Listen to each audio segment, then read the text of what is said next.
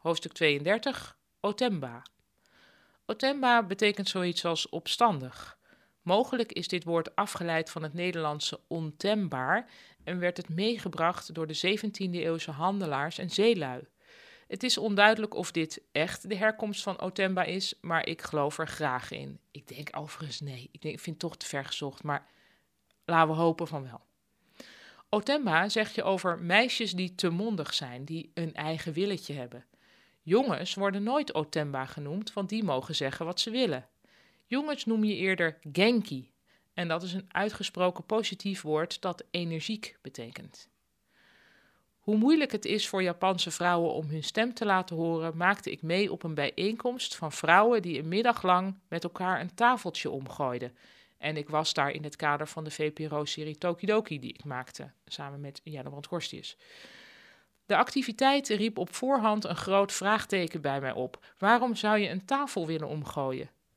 Het bleek te maken te hebben met een traditie onder Japanse vaders, die zo nu en dan in woede ontsteken en dan een klein tafeltje omverwerpen, gewoon om te laten zien wie eigenlijk de baas is in huis. De vrouwen die met elkaar een tafeltje zouden gaan omgooien, deden dit als daad van feministisch verzet. Maar ze deden het onder elkaar, zonder mannen erbij. Dat leek mij vrij nutteloos. Wat heb je aan verzet als je het stiekem doet? Toen ik eenmaal bij de bijeenkomst was, veranderde mijn mening. Ik zag Japanse vrouwen van mijn leeftijd die letterlijk niet in staat waren hun stem te gebruiken. Die gingen huilen zodra ze hardop vertelden wat ze eigenlijk vonden van hun leven, waarin van hen verwacht werd dat ze het hele huishouden en de kinderen voor hun rekening namen, daarnaast een baan hadden en altijd vrolijk moesten zijn van hun echtgenoot. Steeds als de vrouwen het tafeltje omgooiden, leidde dit tot een enorme ontlading. Dit was duidelijk een eerste stap op weg naar een protest dat meer naar buiten gekeerd kon zijn.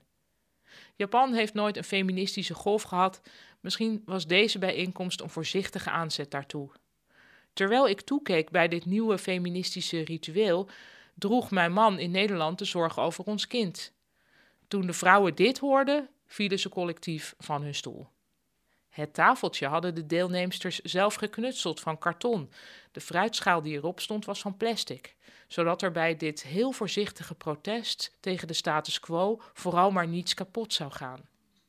En ik heb zelf toen ook zo'n tafeltje omgegooid, vertel ik hier maar even voor de luisteraars van de Pauline Cornelissen podcast. Ehm, en je moest dus iets roepen wat, wat, uh, wat je echt aan het hart ging of zo. En toen heb ik geroepen, herinner ik mij, dus verder niet in Tokidoki terechtgekomen, maar ik heb uh, heel hard Hedy Dancona bedankt vanwege de tweede feministische golf. En dan nog eventjes terzijde, het tafeltje omgooien door huisvaders is een dusdanig bekend fenomeen in de Japanse cultuur dat er lange tijd een game over bestond. Je moest dat tafeltje dan in de juiste hoek zien te gooien. En ik geloof dat er zelfs in Amsterdam een, uh, uh, een soort Japanse gamehall ergens is. Ik weet even niet waar. Als ik er nog achter kom, dan zet ik het in de show notes. Um, waar je dat spel kan of kon spelen. Wederom een lekkere, heldere tip. Tot morgen.